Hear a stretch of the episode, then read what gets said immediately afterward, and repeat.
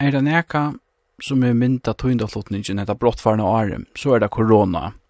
Og hovast vid Ivalist er mong som er våren vel og vilja trøyt av å høyra om frastøv spritting, koronatøl, møvelige vaksine, det og nått syan i var, så er det ikke det stortleikar at vi som gjerra tøyndene hava fyllt tikkun lustetale vi ötlensen opplysningun fra allmenn og peigefingron. Gamma noi, ungen deir av en igjen i fyrjon, det er kanskje bare heppne, men i var lest eisne tog at vi hava tidsi farsøttena ui remast olvara, tog det er olvarsamt, for de som blir sjuk av henne, for de ui vinnene som eisne er rakt av henne. Det hever samståndes ikkje veri lagt at hekka avgjerer ui es koronatøyne. Vi hava kvör sær rønt at trillevåkon tjokk nutstøvna som enda vente bæg gjerranstinn og samfellan som heilt og onkrar av som tilvandi avgjerne hon heva skapt undran. Hvor sier hun så? Hvor gjør de han så? Og i hese sendingsne, ikkje vid at nøkron av taimon ta, åskiljande, løgne, kanska enta skaive avgjerne som vår tyknar. Og vi gjeva taimon som tog i avgjerne, møvelega til a greifra, kvui de gjør det som de gjør det, og høyde de gjørsta ørvuse om de kunne velge det. Henda sendingen er ein topp 5-liste iver kandidatanar til te vi kalla Orsens Koronakraka.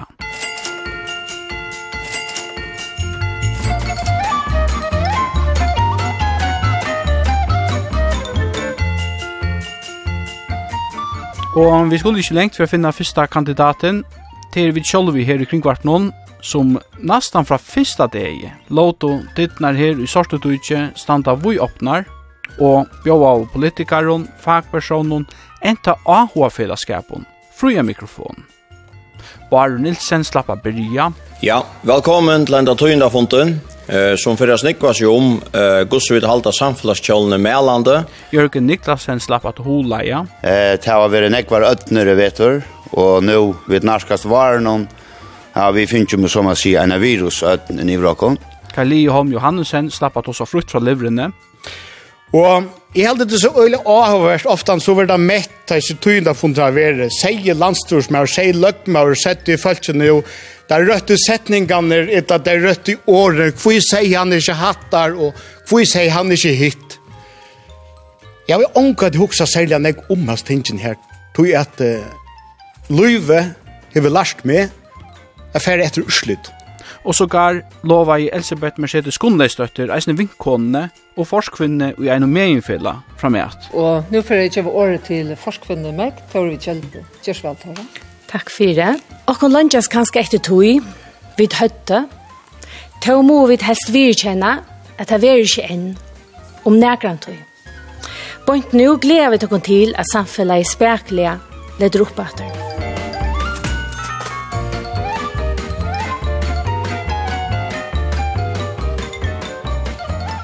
Georg L. Petersen, to erst uh, tøyndaleier kringkvarpnån, og værer av uh, tøyndafunden som var i samband vi korona. Har du tala hvordan er koronafonden var det?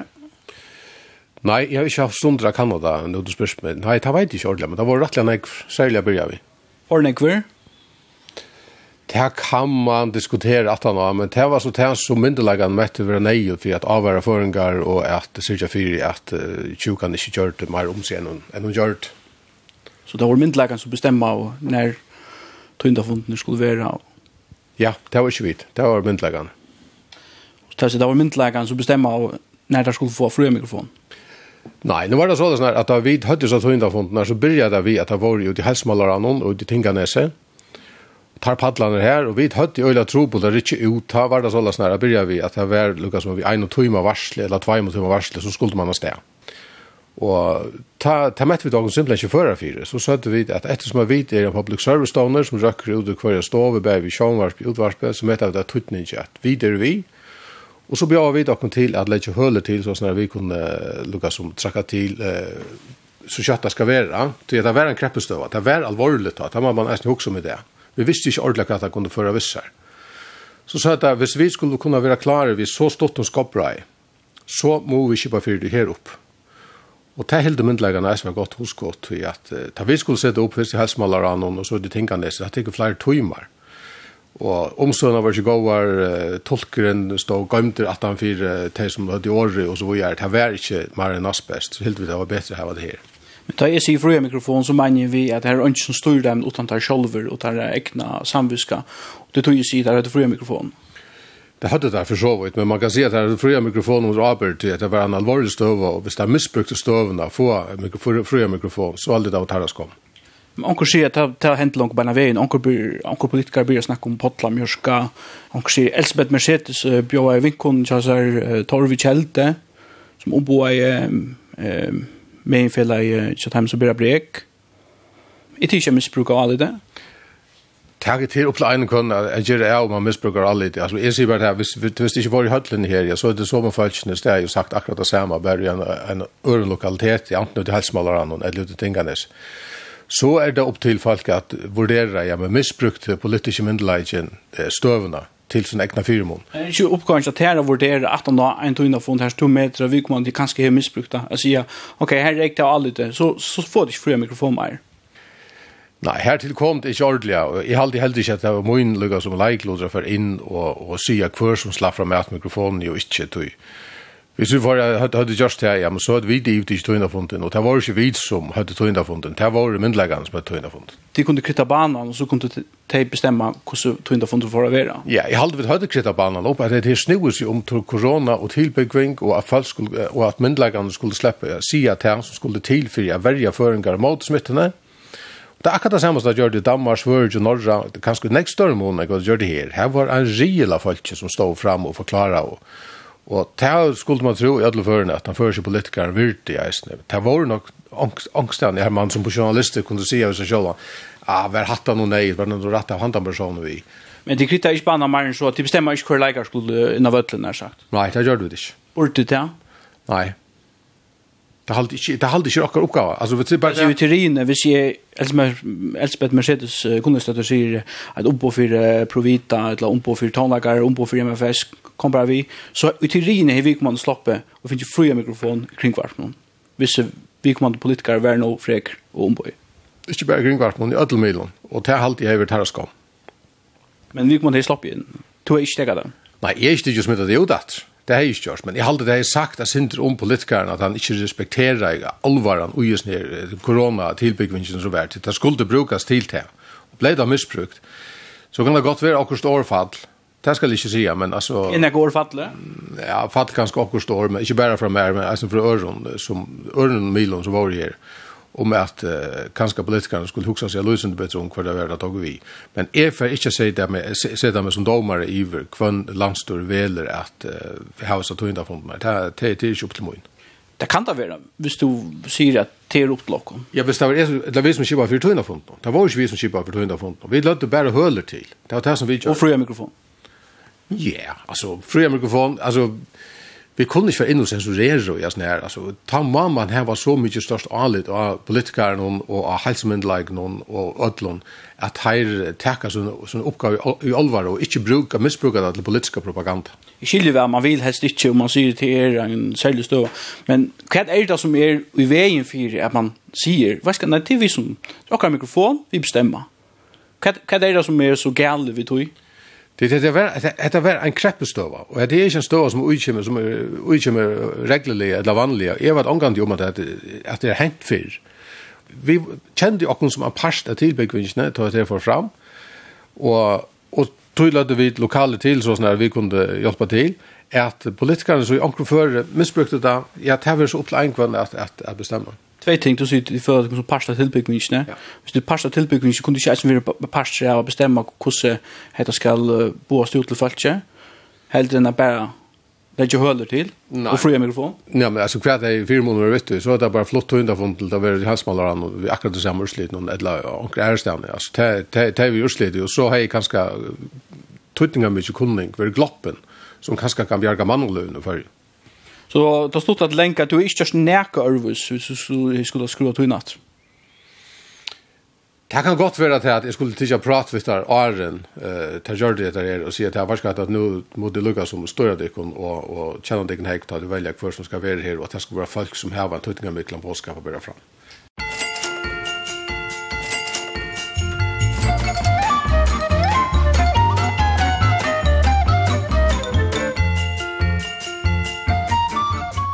Nastur i røyne av fjøra plåse er ein som bare var åheipen, stått og greit. Kai Shibanes var lukkelig avvitande om at han hei ein løgnlian gest ui sær ta han sett seg flåferdig i Paris 24. februar av Vedelfarja. Ikkje til, korona var ta langt ferdiger om seg, eisen i Paris, her fyrste tilboren var stafester nesten ein måned av åren. Fem dier etter heimferierna gjørdes Kai Shibanes mest omrøtta og mest adressoleitande navn i fyrjun.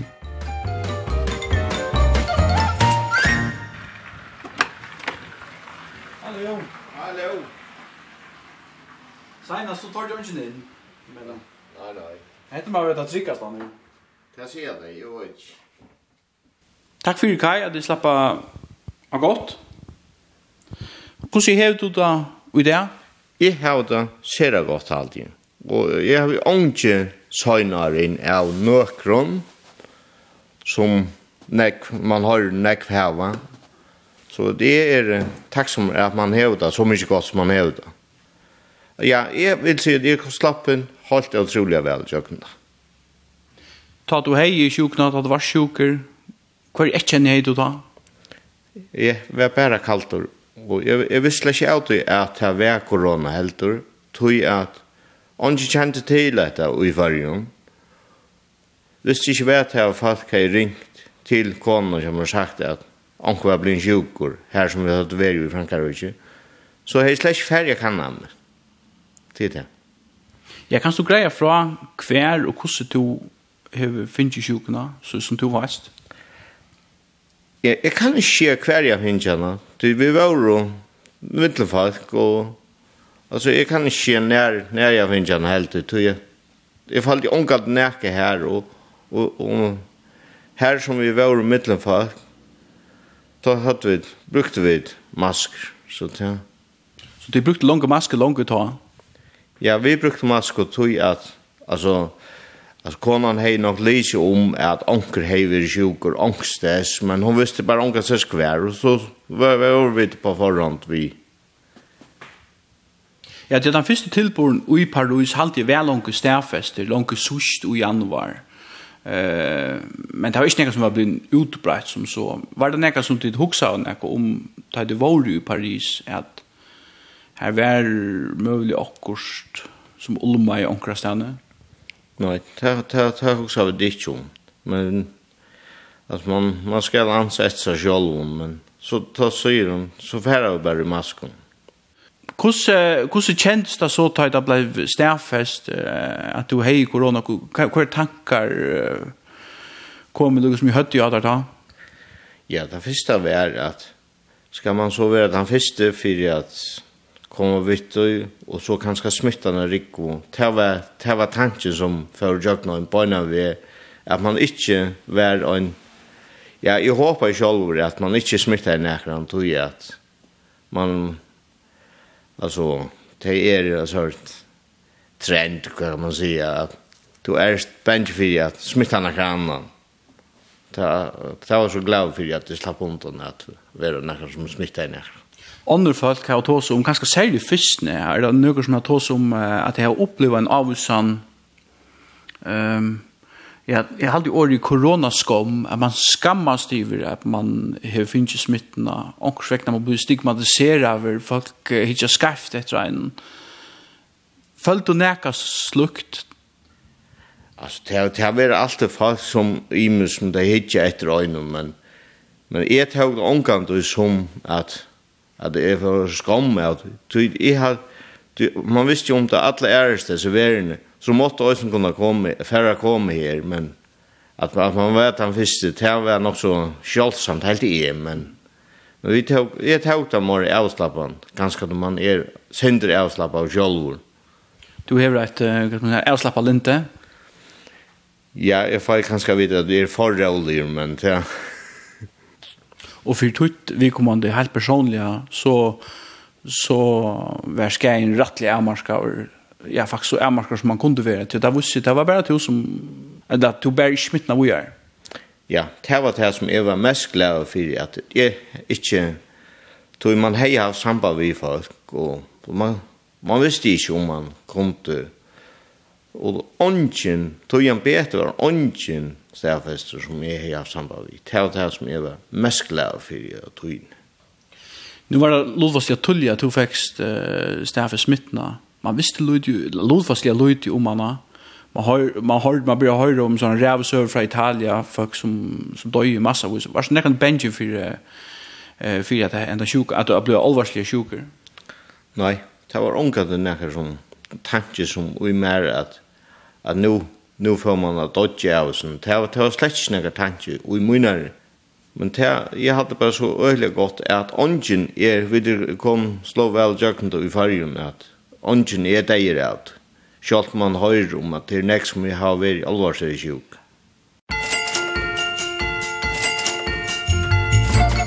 Medan korona kort jo på det herrasta, og i mars, da alt samfunnet var lagt lemme, og er pedagogfellet knapplega fra at her har sendt krav til arbeidsgjøvarna rom, at herra limer som heva vere og færa til arbeids medan koronafarsøtten herjar skulle få en særlig vanta vippåt. Men kravet slei bak. Arbeidsgevaren var sjåtur av feia krevi av vårenon, og eiendomsfrøyngur fire og annar etter tok frastøve fra krevenon. Hetta tær gi juntu vi, skriva ein nomsfrøyngur av Facebook-vengan til pedagogfellan og helt fram, er gjer gledelige munna samfellagskilde utan lønarutskøyte. Er i heldur ikkje æren av at vera nomsfrøyngur vi slukon uttale som skriva ein annar. Hva vi spyrja limnar fyrst? Samstundes år av fem nomsfrøyngar eit motmelde skriv mot sin egna fagfella, Longo dagen etter at krevet var sett fram, nøttes nevnten at teka i egna barm og harmast utmeldingarna. Krevet enda i ruskspannene. Ja, aller først. Hvor krevet om fanta vi båt? Altså, det kom vi gruntar lei ui at vi vi fyllt øysen vik kvar jeg kvir seg æra og og og vi så at at uh, mitt landa. Og i Norra så hei man langt og gjørst en avtal og at 20. mars her og løy, her og man, man avtaler at uh, de folkene som er å selge utsett via for et lærbøys, de skulle uh, få når de selger vippbøter som knyttes seg at uh, eika oppgaver i måned korona.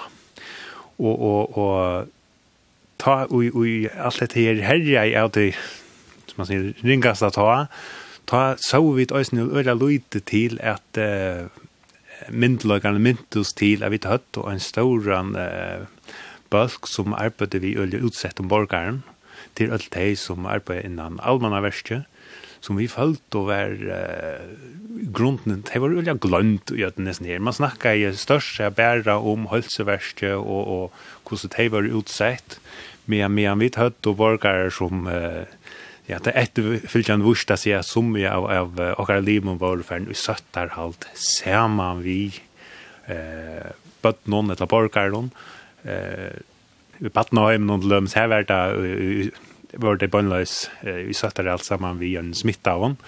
Medan eh, man inni av Örnstone Ösni hade haft eh, tillbord här man är ju i, i, i, i söttarhalte åttan tog inte vi, vi på en smitt, stävfästa smitt. Va?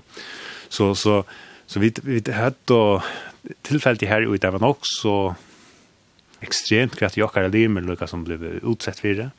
Eh, det var öst öll de som arbeidde inn i sin døgnstånd og bostånd og samboil. De skulle være forvanta i man bare omløtt og sånne vakter eh, på en av veien. Altså, man, de visste ikke fra dag til dags hvordan de skulle arbeide fremover.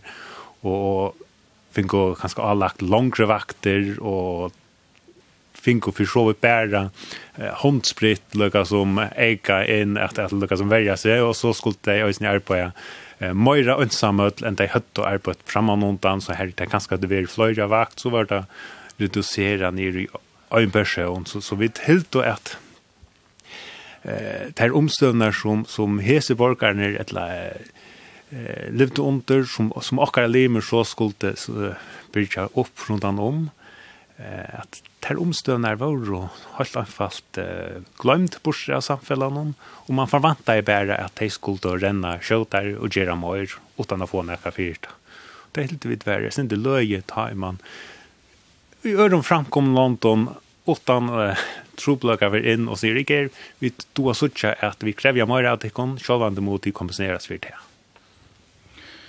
Hvordan konkret blei vi det krevet? Alltså det blir ju mer konkret än när vi tagit och sent och en aheta om att att kommer vi en vanta vi på till det sig här eh stagefash. Det det var mer blev ju snack om det att han var allt råche som störst på sjurt då. Men eh utanfra så ser det ut som att det krävs lärback.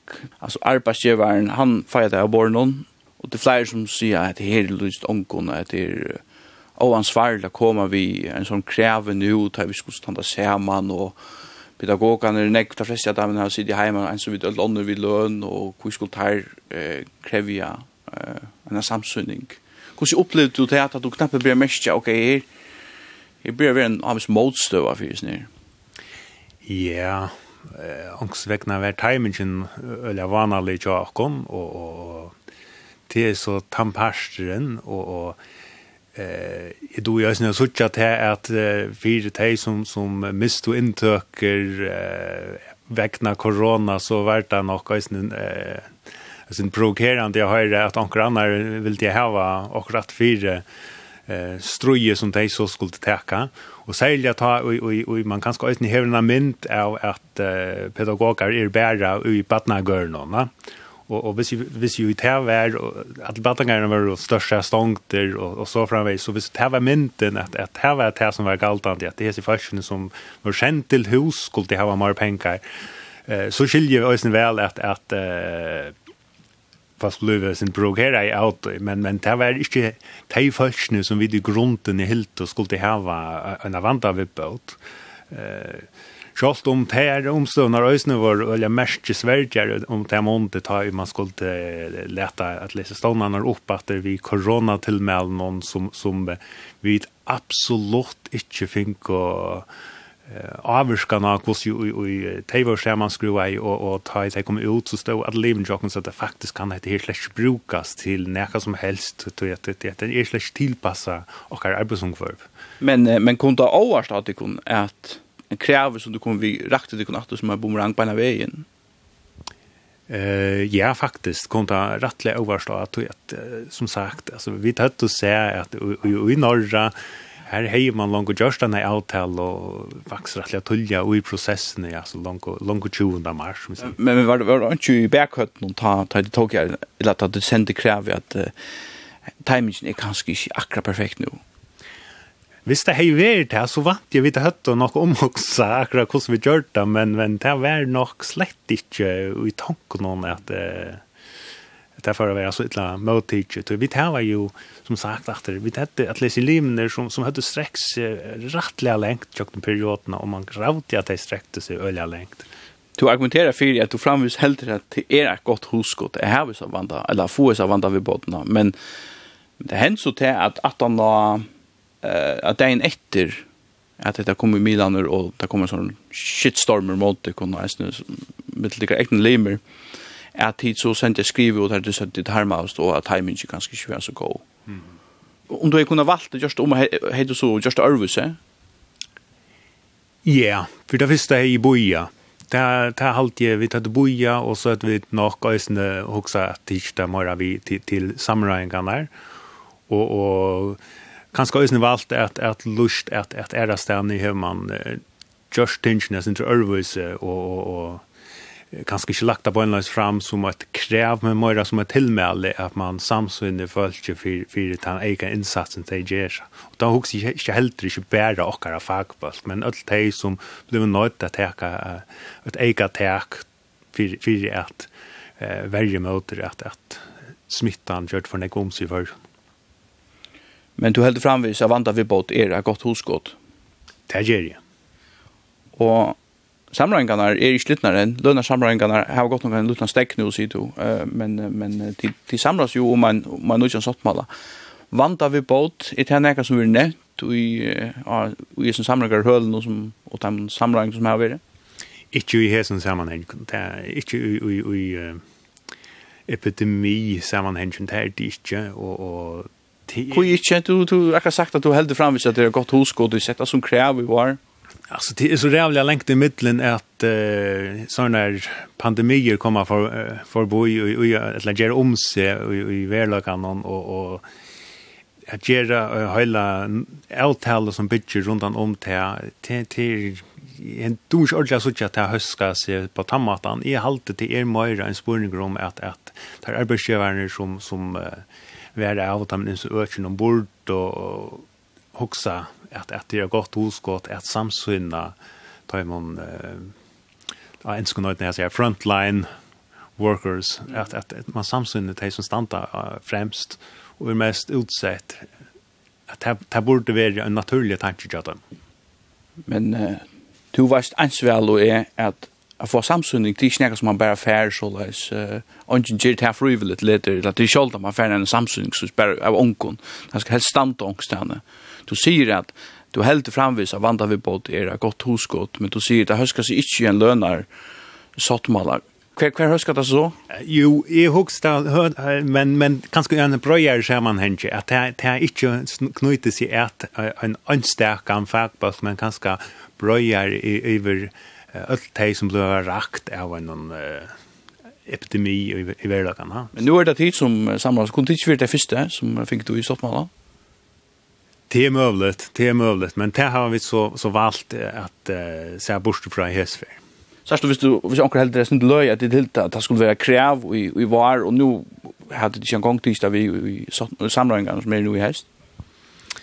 Ja, men man man rönar ösnen att också om kvärt ser ut la vara eh, realistiskt att man kan få jukt någon och och så som anden värd ta så halt det här världen ta sig ut till att vara sälja realistiskt har vi sett det och kröv samman att man kunde huxa sig att här får att hända.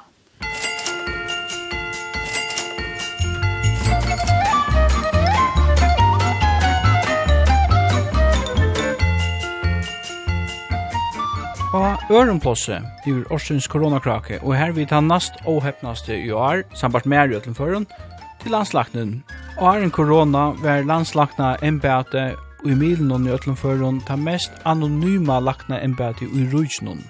Hattar punkt i Arnon var en frakreing vi hakthøllen om klamytia og æra kinsjuker. Tog stått neivan fremst i hoan av Lars Fodgård Müller, og i ødleføren ikke starsløsningsne, ta han søkte starve for trimnaren søgjane, er at han alt året 2020 må hosane seg om en heimsomfattande farsøtt som krever at han verir oppringt til det og nått av milon og øren som krever svær. Eisen skal han rinja til de åhepne som han finnes stafes korona. Og som steiner om han har bire, så kom han sjolver i rampeljóse, ta bretten og i var, fikk frener av at han har påskon var testet av positiv i Danmark for antistoffer bant og Arne Sjolvor for opp i flåfer til fyrja. Urslite gjørdes det ein løyen samrøva, her tvær parstar tidsas tåsa ikkje vi, men fram vi kvarnørum. Du siger selv, at du blev testet positiv på Rigshospitalet ved den her antistoftest. Jeg siger, at de fleste andre er vel ikke testet positiv, inden de vælger at rejse ind til færgen. Jamen, John, det, det test, så fordi du ikke forstår det. Det er en test, som viser antistoffer. Det vil sige, den viser, at man har en gennemgået infektion. Den viser ikke, at du har en pågående infektion. Så det, der er to helt forskellige tests.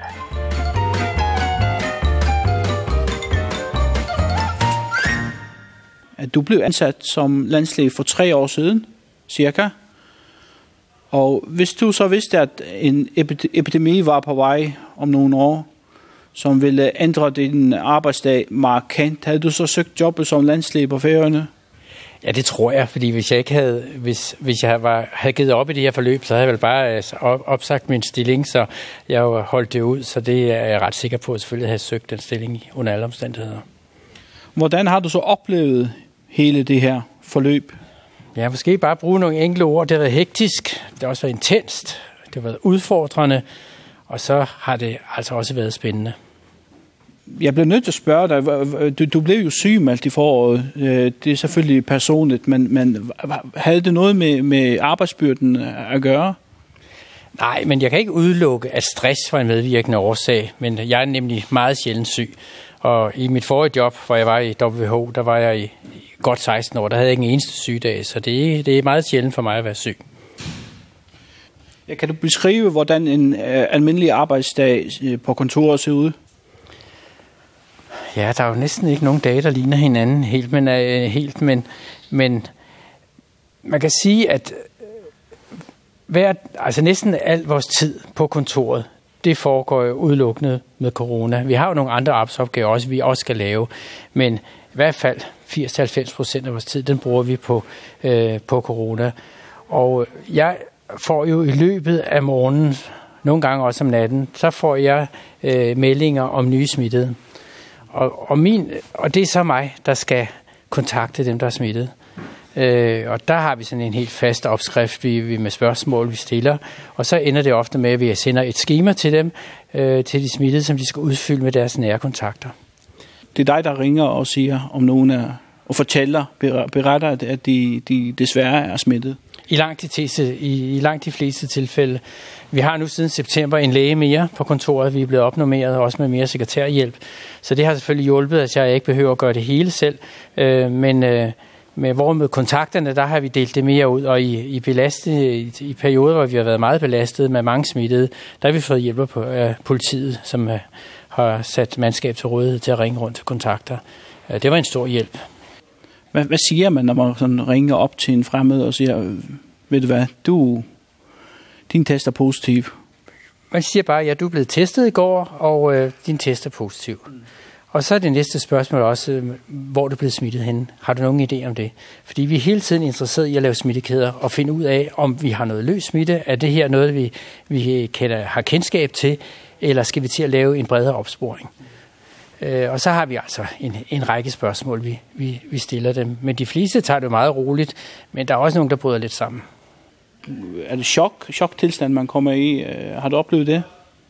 Ja, der er nogen, der, der, der det kommer helt bag på dem, øh, og, og så er det mere eller mindre chok. Og selvfølgelig herop til juletid er der er mange, der bliver rigtig ked af det, fordi det ødelægger deres øh, planlagte familiejul.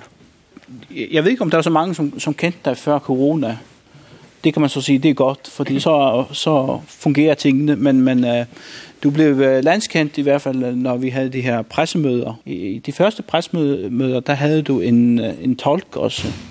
Hvor meget forstår du egentlig det færøske sprog? Ja, heldigvis forstår jeg mere og mere, men til pressemøder hvor man skal være meget præcis, og også ved hvis man bliver interviewet, så, så er det vanskeligt for mig at, at, at, at være helt sikker på, at jeg forstår det rigtigt, men jeg kan jo godt følge med i, i, i Dog og Vika, mm. øh, og jeg kan også godt læse det meste og læse en avis, og, men jeg vil meget nødt lave det her interview på færøsk. Mm. Der er nogen, der undrer sig måske, der tænker, at, at, at det her embede, det består i at rådgive ikke kun de danske, men også de færøske myndigheder. Mm øh, om de sundhedsmæssige forhold. Øh, har det så ikke været en udfordring, ikke bare for dig, men også for dem, du kommunikerer med, at du ikke forstår sproget øh, 100% i det samfund, som, hvor du skal rådgive? Altså min rådgivning er for det første og fremmest kun til de færøske myndigheder. Men jeg orienterer selvfølgelig mit bagland, styrelse for patientsikkerhed og sundhedsstyrelsen, hvis der er noget, som jeg synes, de skal have kendskab til. Jeg har ikke følt, det der har været noget problem på nogen møder, at, Og det er jo fordi, at næsten alle de møder, vi har deltager i, så foregår det på dansk. Øhm, så der har ikke været nogen problemer. Og når jeg taler med folk, jeg har ikke mødt nogen endnu, som ikke kan forstå dansk eller tale dansk. Så hvad med at følge med i, i medierne, hvad der bliver skrevet og så videre? Det, det skal du helst også øh, øh, være vidne om. Ja, det, som sagt, så kan jeg altså læse det meste og forstå det, så det, Det har jeg ikke haft de store problemer med, og ellers har jeg da nogle, nogle ansatte, som hele tiden også briefer mig, hvis der er noget, jeg ikke har set. Blandt andet på de sociale medier, som jeg ikke bruger særlig meget, og slet ikke de, øh, på færøerne. Så der bliver jeg hele tiden briefet, hvis der er noget nyt, jeg skal vide. Er der noget, som du fortryder i det her forløb? Øhm, jeg synes, at vi på færøerne har gjort det rigtigt hele tiden øh, hvor man havde en lidt mere svingende holdning i Danmark, der pludselig holdt op med at teste, har vi hele tiden holdt fast ved den strategi, vi havde. Man kan jo sige, at vi i starten kun testede folk, der havde symptomer og skulle henvises af en læge. Og hvis vi kigger tilbage på det, så vil vi nok sige, ja, det havde da været bedre, hvis vi har haft fri testning fra starten, at folk bare kunne gå hen uden, uden om læge. Øh, men det gik jo godt, og en af grundene til, at det måske også gik godt der i starten, det var jo, at landet blev lukket ned i, i midten af marts. Og så kommer det næste spørgsmål, øh, lidt i forlængelse af det her, fordi øh, så var der et interview med dig i radioen omkring en episode, episode hvor du valgte at rejse til Færøerne lige efter du havde været testet øh, positiv for antistoffer, en sådan antistoftest, du havde testet i Danmark. Kan du huske det interview? det kan jeg sagtens huske, men du, du misforstår det også lidt, fordi okay. hvis man har antistoffer, så tyder, så tyder det jo på, at du har haft en infektion. Du har altså en gammel infektion, og så er du måske immun overfor sygdommen. Jeg havde på, fået tilbudt på en weekend, jeg var hjemme, jeg kunne komme ind på Rigshospitalet og få lavet en antistoftest. Og det tænkte jeg, det kunne da være meget interessant at få gjort, fordi alligevel har man jo mange kontakter. Den viste sig senere, den test, at den var fuldstændig ubrugelig det testkit der, at det, det var ikke noget værd. Men den viste altså, at den slog ud for antistoffer. Det kom jeg til at sige til Barbara Holm, som gav vide, informationen videre til sin, en af sine kollegaer. Det skal jo en journalist. Jeg havde sagt til en at det her, det var sagt i, i ret privat, at jeg havde sagt, at det her information vil jeg ikke have ud.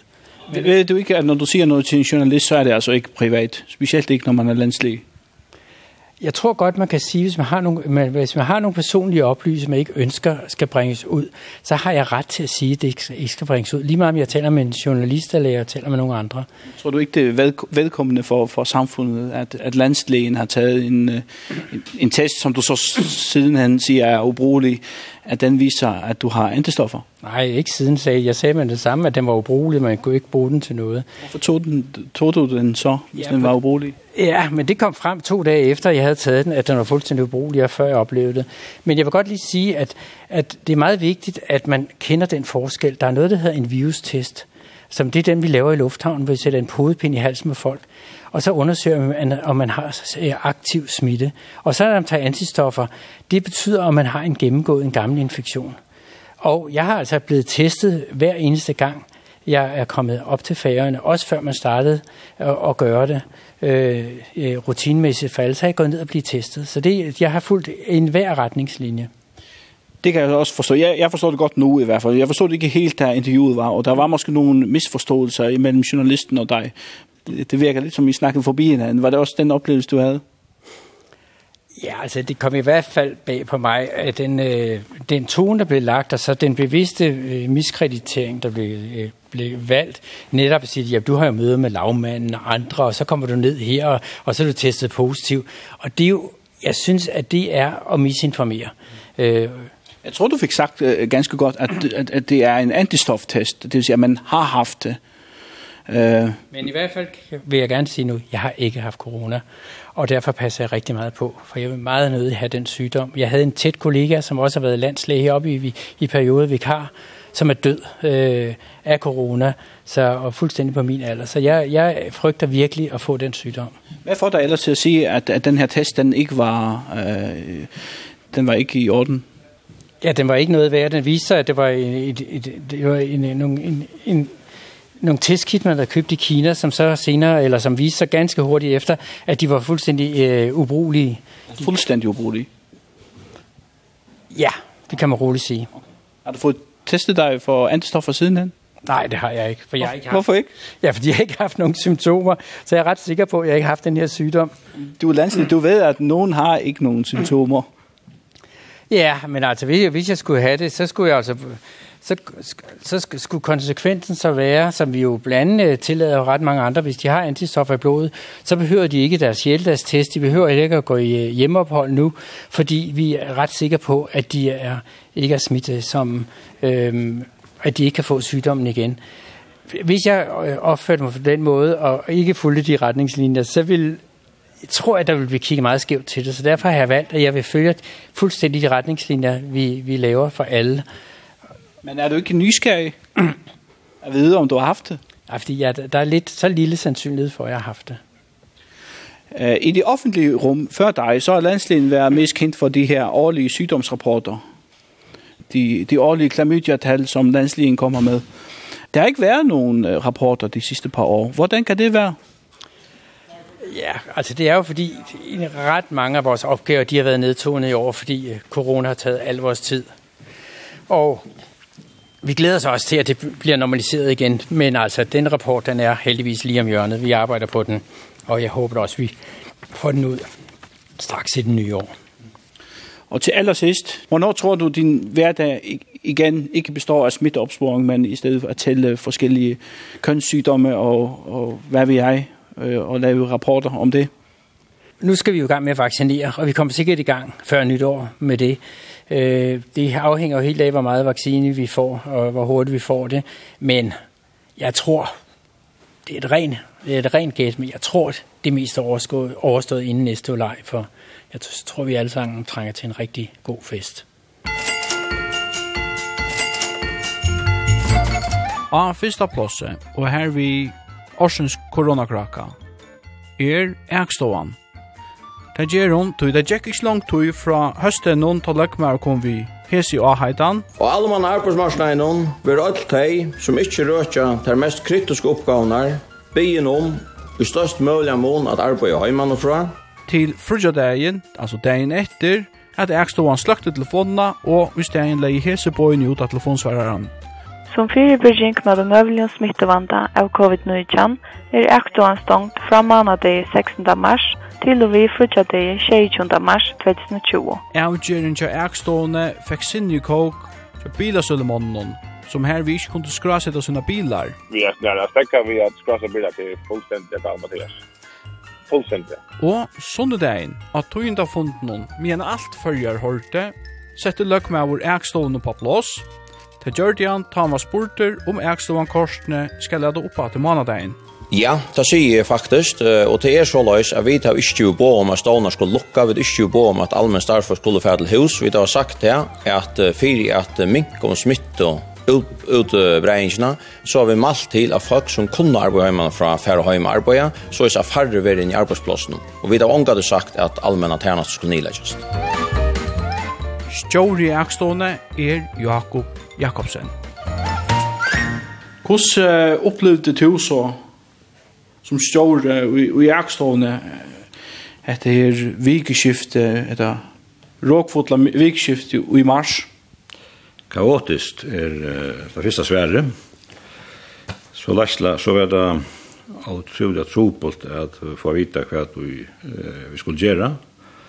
Etter røkbrevet han høstdagen, han 12. mars, er bor fra, Er starfolk og ikke røkte til mest vidbrykne samfunnsoppgavene skulle arbeide hjemme fra. Og seiten om dagen så kom så bøyene fra Eiadranen at alle kundamottøker og ærer tjena så skulle avmarkast. Og ta tog til så avgjør om at uh, legenden på ut eisen av telefonsfæren her da var sagt at fra måned til nå, altså det er etter vikskiftet, ta uh, ved avgrensen stångt ut hver viker fram. Hvordan tolker du hese bøyene fra Løkman, han sier, tar stående som ikke har kritiske tjenester. Mette du ta at alt, alt avgrænsløsning av Erikson ikke er kritisk? Ja, altså, jeg mette på sier at det som heier vi bilsøyne å gjøre, og det som heier vi um, køyrerønter å gjøre, det kunne boja. Og for så vidt eisene det som heier vi uh, bilasøyne, nei, skrasetning av bilene å gjøre, at om det ikke ble uh, akkurat uh, beina en så at det kommer sin sajt ner så. Eh så medingen er nok at det er ikke inte en samhällskritiskt alltså. Men så hendte det at det kommer kropp og kropp uh, først er det. Uh, en bilförhandlare som er inn.fo som kærer sin nej han sier han säger för uh, Bilar til det skulle skrasa det der nu inte nummerplatnar Og så er det faktisk jeg som gjør samler vi, vi Rune Djurus, som eisen i samter og er rasande innan Eksona, og jeg fikk ikke fædre ut der til det innslag, så du kom du ikke ordet til årene. Hvordan reagerer du til at du har sånne biforhandlere som var så ytler? Ja, så, så var det då man uh, kjetter och och og ytler, altså jag följde kanske att det var synder uh, overratvist då. Ja Her er så veri eit, eit samskifte vi, vi bilhandlarna løpi av personen og og jeg satt opptidgen vi jonken øren og, og, og fikk så ikke svære dem natter og øren i forhold til hos da senere parten og, og, og det var kanskje det skreive i gjør at det ikke uh, man sier svære dem natter at vi uh, vendte atter til støvene av morgen og vi kjørte det annet Ja, det ena som man helt förhållt oss till, det var en telefonsvärner som säger att vi står inte i två veckor fram. Ja, den passar ju helt. Jag låg att du inte skrev ut ja, ut i hemmasvärden som vi lade ut ta i allt år middagen, frutja dagen. Og det var just vi ätlite at uh, verja starfsfolken i Sjåkon som arbeid her, som heva utrolig tatta, uh, tatta kundakontakter. Uh, som bæje sundsmenn som uh, alla tøyina fer inn i bilar tja, tja visskjøtta folkene. Prådomar som heva øyla tatt samband vi nærmengar til avstyrsrøyndir og vi versle røyndir som sier at her tatt saman vi ein ein nærmengi og køyrnærmengi i bilen alt vi vantar fyrir að vera smitta uh, og uh, her kommer å tue nok folk inn i avgreislene av ekstuen, med kom komme om 85 folk om dagen, og ta var jo ikke tiltøk gjørt i ekstuen, til, eller i avgreislene, for at, at, at fire bryr seg smitt, ja. Mm Men kunde man till dömes ut till telefonsfären säger bara vi vi står inte tvär vi fram. Kunde man i telefonsfären sagt eh fyrbel står inte vet men vi måste hit på att man där en ett lat jag vet inte vad det skulle hur man hur man skulle göra. Jo jo alltså hvis man hickar att vi man säger att efter fylgjande Det rette hei nok veri at man hei slik kaltvatten blå og kanske boja til malamorgenen. Mm. Uh, til støvan var måneden mer avklara eh uh, i løpet vik, uh, vikskiften så var, det så. Men uh, jeg følte det nøye til hvordan jeg tog att annars så stod bilar vi synsøtlene så kom man morgon och kör kører där stod vi her mann morgen klokka åtta, og, og, och, og så ska man till att ta stöd till tak vad jag man vet ja. Men så er det en tøyndafunter som er i halvdet til sunnedagen her i ein journalist spyr inn til hese i tøyndene om at jeg stod lukkar alt nyer, ufra til telefonsfæren som er her i um, Løkmaver sier at hemma man har miskilt til at jeg stod skal lade opp at man har det Jeg vet ikke hvordan du vil gjøre vimerskinger til det her, men onkur kan tolka det som at du faktisk blir sett på plås. Uh, ja, det, det blir vi sikkert men... Uh,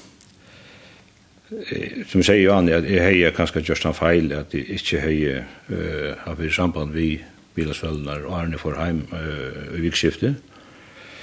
Eh och så kom vi ta ja, vidare da till boja til mannavårkene, så vi kör vi stövna av nutjon. Men eh så så jag kvöld ta ta tosa i eisne vi i Jaktjoran og i Fujamalan som vi eh har runt og og vi omrøter med landa kursi og og jeg som man kunne løse enn i tørven til bilasølen så la seg til levande kunne få skrasa så inna bilar og, og, og få uh, utlytja nummerlatna til der uh, levande ja. Så det var unga de atlan at her skulle stegge opp alt det? Nei, det var, det var, det var det ikke, altså. Så, så, så hei, som du sier, en avtale vi utvarp uh, at at uh, koma og tøyna sendingin av eiga kvølt og matja men ta er orsak at du er presilla kata så er ta veit ikkje so blei av onkon og og eg kom så ikkje til lorana så og fekk heldig ikkje greit frå akkurasjonar mi no Følte du til året hvor behandla han i milen noen Michel han ganske eisne? Nei, det er alltid ikke, altså, altså, det er, Uh, Det kommer så spårninger en mann kvöld, nei, sånne kvöld i, i i beinleie sjånar sending, og jeg stod vakkert og, og gjør det noktar rundt kvöld, jeg måtte nesten sett i halsen, altså, da jeg hørte hva at i i spårninger snu seg om, og, og hva svære vi er, no? Det skapte rettelig noe frustrasjon, kjama sjolvun, eisen kja starfolkun, og kja alledes av stavnen, og, og heva nok samskifte sånne kvöld, og mannamorgene mittelen, okkon og eastjørene, for eksempel og enda mittelen avledesfolk og løgmanna. Og det enda så alt vi er nødt tøyna skrivi manna morgun den 16. mars, som er vid nagreina i narri kossi og i kundamåtøkan og borgarvendar tjeneste kundi avmarkast, så lunge som enda her støvan vi COVID-19 stod vi i, og brøtt alla tøyna og eisne mitt landa kossi bilasølmer kundi få eh, skrasja sunna bilar og få utlutjene hørte nek fyra at han har det var milen noen hos tusen stjåre startfølsen jeg Jeg hadde ikke så, men kanskje positivt hvis det var nægge, så folk har vært, nå hvis jeg har vært samkjensle vi jo kanskje. Nu, nu ser du att du kjønte til øyelig harmelig att du ikke slapp om vi om Och det är så imskar årsøk til det, men om du skulle tidsni i egna barn, du vil jeg synes att nå at du kjøver, hvordan er det du gjørste ørvus om du kunne valgt sin ørvus? Ja.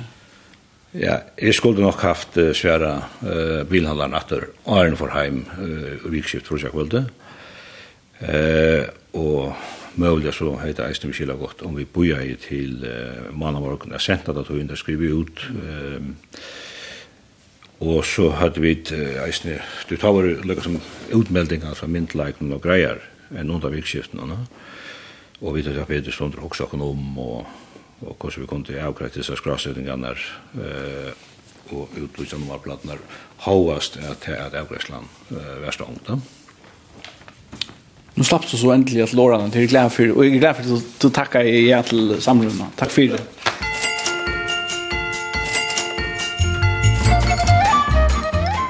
Hetta vårt av fem koronakraknar samparst med sjolvun. Og så er det vist nå at jeg skal komme via en moralsvate om hva vi nå har lært av korona og handfæringen av korona. Til døme som at halda eia vi hver rundt og løyver frugjær mikrofon. Om å boja til rødt og løtna, at vi om lønar ved båt, om ikkje a fyrast til Paris, da du veist at smittan gir om seg her, og om ikkje at ivetolka bøyene fra myndelagnum og stondja en heiland stående. Men i lade vera, då vi da finnes no mykje av pratikon, særlig moralsk pratikon vi har, og det er ikke et nutjar, og vi tar meg til oss i enda annan tunnelen, så vi må ødel teka til takkar vi en vogn herfra om et etnoperande nutjar. Musik